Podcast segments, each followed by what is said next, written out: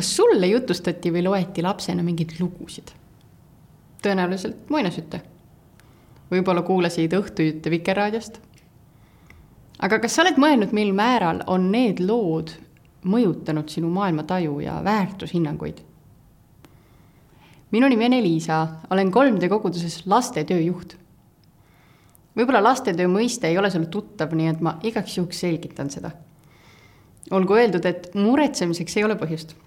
Lastetöö ei tähenda mingit rasket tööd, mida lapsed peaks tegema 3D koguduse lastetöö eesmärk on anda lastele edasi kristlikke väärtusi, mis aitaks neil sirguda hoolivateks noorteks ja luua isiklik suhe Jumalaga. väärtushinnangud on nagu kompass, mille abil lapsed suureks kasvades teevad otsuseid. ning isiklik suhe Jumalaga on see magnetiline põhjapoolus sellel näitlikul kompassil sest meie usume, et Jumala kursil liikudes on meie elul sügavam mõte ja igavikuline perspektiiv. lastena oleme kuulnud palju erinevaid lugusid, muinasjutte, vanemate ja vanavanemate mälestusi. ja osad neist lugudest jäävad meid ühel või teisel viisil elus saatma. küllap meenus sullegi mõni lugu, mis sulle lapsena väga meeldis, panisid mõtlema või mõjutas sind. minul on lapsepõlvest meeles peamiselt kahte sorti lood mind on jäänud saatma jutuajamised oma isaga. ta rääkis mulle palju lugusid ajaloost, maailmast, universumist, ülipõnevatest juhtumitest ja ajaloolistest müsteeriumitest, mille kohta teadlastel ei ole tänaseni põhjapanevaid selgitusi. Nad tekitasid minus palju põnevust, ta avardasid mu silmaringi ja minu mõtlemist. ja teised lood, mida ma mäletan, no tegelikult üldse, niikaua kuni ma midagi mäletan on piiblilood. piiblit loeti meie kodus palju ja mul on meeles, kui huvitavad olid minu jaoks selle üheksakümnendatel välja antud helesinise kõva kaanega piibli illustratsioonid. ma vaatasin neid maale palju ja teades piiblilugusid nende kõrval, olid need minu jaoks väga-väga erilised. meie 3D koguduse lastetöös usume, et piibel on parim väärtuste õpik, mida võime oma lastele kaasa pakkuda süveneme täna kahte põnevasse piibliloosse, milles peitub sügavat tõde ja väärtust. oleme 3D koguduses võtnud eesmärgiks lugeda ja mõtestada käesoleval aastal Matteuse evangeeliumit ning jõudnud selle neljateistkümnenda peatükini. loen esimesest neljateistkümnenda salmini. tol ajal sai nelivürst Herodes kuulda, mida Jeesusest räägiti ja ta ütles oma meestele see on ristja Johannes. tema on üles äratatud surnuist ja sellepärast toimivad imeväed tema kaudu. Herodes oli Johannese kinni võtnud, aheldanud ja pannud vanglasse Herodiase, oma venna Philippuse naise pärast. sest Johannes oli talle öelnud, sa ei tohi teda pidada. ja Herodes oleks tahtnud Johannese tappa, kuid kartis rahvast, sest Johannest peeti prohvetiks aga kui tuli Herodese sünnipäev, tantsis Herodiase tütar nende keskel ja meeldis Herodesele. nõnda, et ta vandega tõotas talle anda, mida iganes ta soovib. tema aga lausus oma ema õhutusel. anna mulle Vaagnal ristja Johannese pea. kuningas kurvastas, kuid vande ja piduliste pärast käskis talle selle anda. ja ta saatis vanglasse mehed Johannesel pead otsast lööma ja Johannese pea toodi vaaglal ja anti tüdrukule ning too viis selle oma emale. ja Johannese jüngrid tulid, viisid ta surnukeha ära ja matsid maha ning tulid ja teatasid sellest Jeesusele. kui Jeesus sai sellest kuulda, eemaldus ta sealt paadiga tühja paika, et olla omaette. ja kui rahva hulgad sellest kuulsid, järgnesid nad talle jalgsi linnadest ja kui Jeesus astus paadist välja ja nägi suurt rahva hulka, läks tal meel haledaks ning ta tervendas nende haiged. Jeesus sai kuulda oma hea sõbra ja lähedase sugulase Risti ja Johannese surmast. inimlikus mõttes oli see Jeesuse jaoks kahtlemata üliraske moment. ta oli leinas, tahtis olla omaette siin ja veel mitmetes kohtades evangeeliumis loeme, et Jeesuse jaoks oli oluline olla vahepeal üksinda. ja see omaette olemine ei olnud põgenemine, vaid vastupidi, võimalus segamatuks osaduseks Jumalaga. Jumala kuulamine ja temast lohutuse ning hingerahu leidmine. aga me tuleme selle juurde veel lõpupoole tagasi. aga seal tühjas paigas, kuhu Jeesus oli paadiga läinud, nägi ta rahva hulka, kes oli talle sinna siiski järgnenud. ja nende seas oli kannatajaid ja haigeid. ja ta märkas neid inimesi, olgugi et ta ise oli sel hetkel leinas otsust-, otsustas ta siiski tervendada haiged inimesed. see on niisugune suisa ennast salgav teiste vajadusest hoolimine. ja see ongi see, mida me saame Jeesuselt õppida. sest inimlikult ei ole see teinekord isegi võimalik. Risti ja Johannese surmale järgnevad sündmused on ilmselt ühed tuntuimad Jeesuse imeteod. ma olen neid teadnud nii kaua, kui ma mäletan ja need on mind saatnud kogu senise elu loen viieteistkümnendast salmist. õhtu jõudes aga astusid Jeesuse jüngrid ta juurde ja ütlesid. paik on üksildane ja aeg juba hiline. lase nüüd rahvahulgad ära minna, et nad läheksid küladesse endale süüa otsima. Aga Jeesus ütles neile. Neil ei ole tarvis ära minna, andke neile süüa. Nemad aga ütlesid talle, meil ei ole siin rohkem kui vaid viis leiba ja kaks kala aga tema ütles, tooge need mulle siia. ja Jeesus käskis rahva hulkadel istuda rohule, võttis need viis leiba ja kaks kala, vaatas üles taevasse, õnnistas ja murdis ning andis leivad jüngrite kätte. Jüngrid aga andsid need rahvale. ja kõik sõid ja said kõhud täis ja ülejäänud palakesi korjati kaksteist korvitäit. aga sööjaid oli ligi viis tuhat meest peale selle veel naised ja lapsed. see on üks tõeliselt tuntud lugu, mille sisu aitab mõtestada meie igapäevaelu, selle muret, vaeva ja rõõmu. esiteks, Jeesus hoolis rahvast. Ta hoolis nende füüsilisest heaolust. ta teadis nende vajadusi ja pidas söömist oluliseks ühe söögikorra vahele jätmine poleks olnud ilmselt inimestele füüsilises mõttes suur probleem kuid Jeesus tahtis, et inimesed sööksid. ja veel enam, et nad ei läheks ära igaüks ise kuskile süüa otsima, vaid ta korraldas söömist ühiselt. ta käskis rahva hulkadel istuda rohule.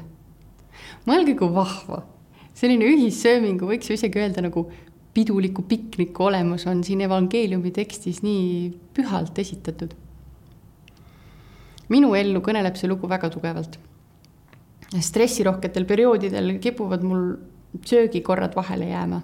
ma unustan süüa ja see on varasemalt põhjustanud tervisemuresid. aga ma olen endale selle loo põhjal meenutanud, et Jeesus pidas söömist oluliseks ning ühissöömise osadust pühaks. ma tunnen alati, et mul on parem söögiisu, kui saan süüa koos pere või sõpradega. ja kuigi igapäevane elu on tihe, siis me püüame vähemalt kord päevas laste ja abikaasaga koos heinestada. teiseks, Jeesus vaatas taevasse ja õnnistas toitu. toidu õnnistamine oli juudi kultuuris tavaline perepea komme. olla tänulikud selle eest, mis on. sest toit, mida pakuti, oli täiesti tavaline sealne toit, leib ja kala mõnikord tundub, et meie külluslik lääne ühiskond kipub ära unustama toidu väärtust arvan, et oma järeltulevale põlvele, oma lastele saame olla heaks eeskujuks, kui me õpetame neid toitu väärtustama ja mitte hirmu, vaid tänuga. sest taevane isa on meid hästi varustanud ja on meiega helde. Me laulame oma peres lastega toidupalvena tuntud laulu Kas on linnukesel muret, mille sisu on see, et linnud ei muretse, kust nad süüa saavad, sest Jumal hoolitseb, et neil oleks toitu. vaadake kaarnaid Nad ei külva ega lõika, neil ei ole varakambrit ega aita ning Jumal toidab neid. kui palju enamat väärt olete teie lindudest? Luuka kaksteist kakskümmend neli. Ja Pauluse kirjas Filipplastele neli kuus on öeldud, ärge muretsege ühti, vaid teie vajadused saagu kõiges Jumalale teatavaks tänuütlemisega palumises ja anumises Jeesus toitis seal üksildases paigas viis tuhat meest ja nende naised ja lapsed. kõhud said täis ja toitu jäi isegi alles. ülejäänud palakesi korjati kaksteist korvitäit. Nii otseselt toidu kui ka laiemas tähenduses antakse edasi põhimõtet, et meil ei oleks raiskav suhtumine sellesse, mida meile on antud, vaid me oskaksime seda hoida, väärtustada ja jagada.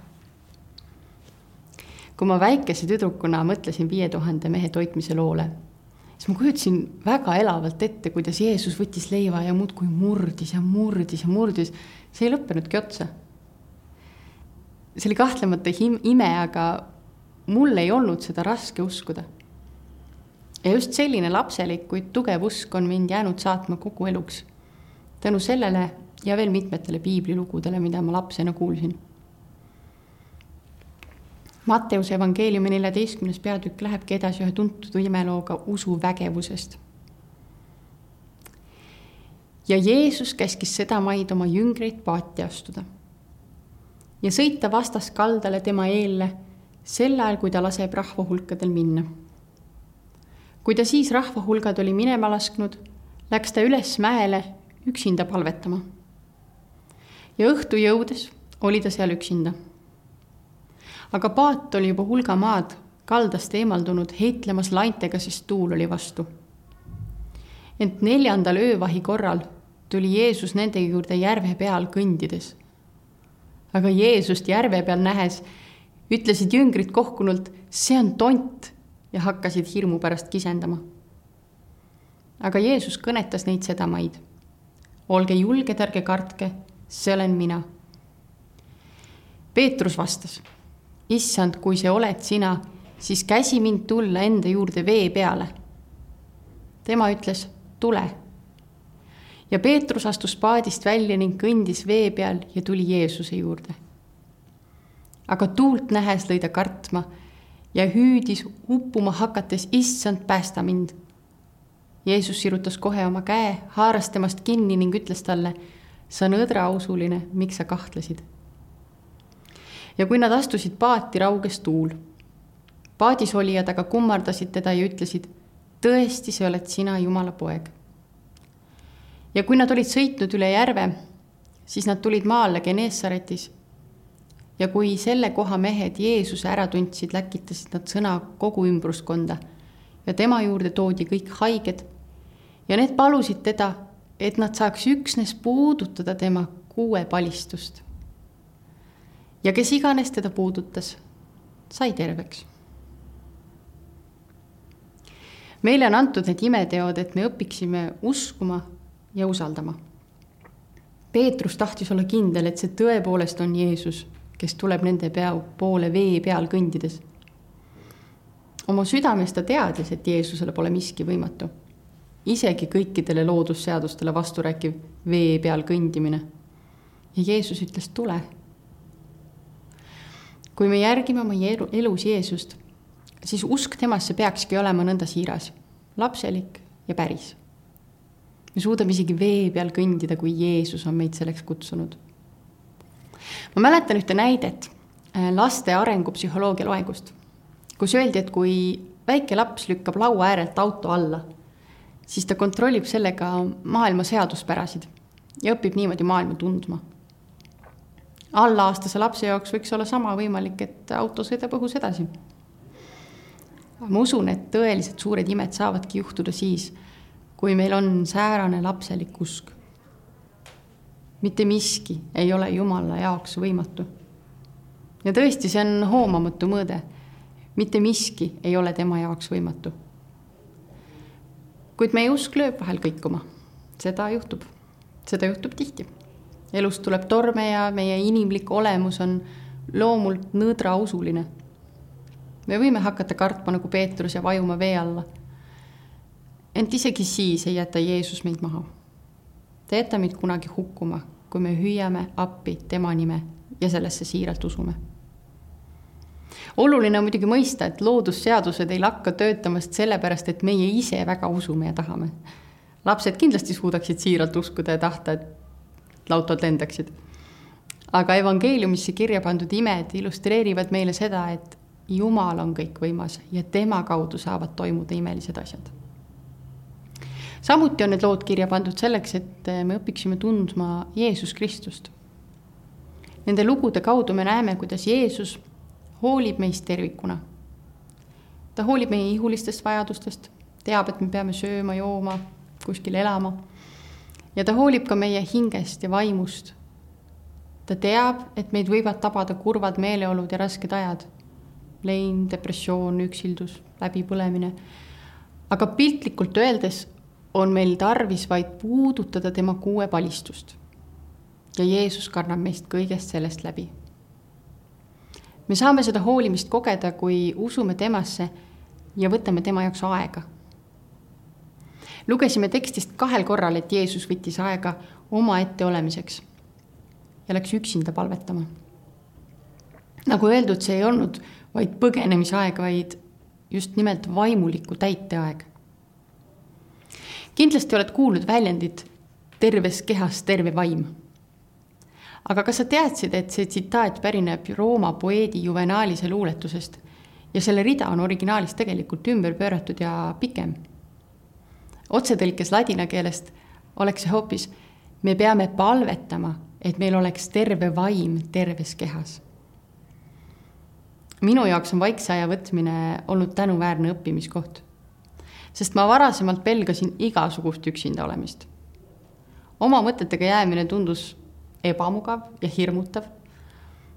ja noh, tänasel päeval oleks lihtne üksinda momente katta nutiseadmega. kuid ma olen täiskasvanuna teadlikult harjutanud võtma üksinda palve ja mõtisklemisaega. õppinud seda väga väärtustama ja armastama minu ideaalne vaimulik aeg on siis, kui ma saan istuda hommikukohviga aknalaua peal. ideaalsel päeval võiksin lugeda viisteist minutit piiblit, siis veel palvetada tüki sama palju ja tekkinud mõtteid üles kirjutada. ja neid aegu on mu elus olnud. aga mitte praegu. nii et ma tean väga hästi, et selle aja võtmine võib olla väga-väga raske. ma olen ise praegusel hetkel väga intensiivses elu, eluperioodis kahe väikelapse ema ja ettevõtjana. ja paljudel päevadel juhtub, et ma ei saa täiesti vaikselt omaette aega sellisel juhul ma kasutan jooksvalt tekkinud momente. näiteks ma palvetan tihti siis, kui sõidan autoga lastele lasteaeda järele. see küll ei asenda mu aknalaua idülli, aga on siiski hetk päevast, mil ma saan tuua mõtte Jumalale ja leida oma hingele kosutust. puutusime täna kahte väga kõnekat Jeesuse imetegu ja vaatlesime neid erinevate nurkade alt. mõtteid on palju kuid toon välja kolm ideed, millel täna peatusin. esiteks, olgem tänulikud selle eest, mida meil on. teiseks, terve vaim terves kehas, kui te palvetate. ja kolmandaks, lugege lastele piiblit ja jutustage neile lugusid, sest need jäävad neid eluks saatma. olen tänulik, et sa kuulasid seda kõnet, soovin sulle sisukat arutelu aega ja palju õnnistust